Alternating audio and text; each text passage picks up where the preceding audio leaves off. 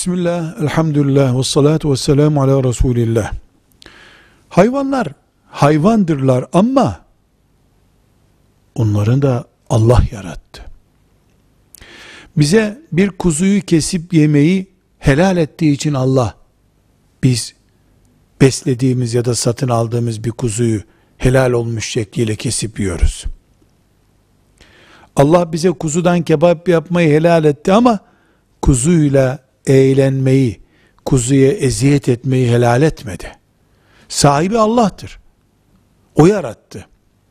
Dolayısıyla Müslüman bir insan hayvanlara karşı hata işlediğinde de her ne kadar hayvanlar hak talebinde bulunamıyor olsalar da onları yaratanın o hakkı alacağını bilir.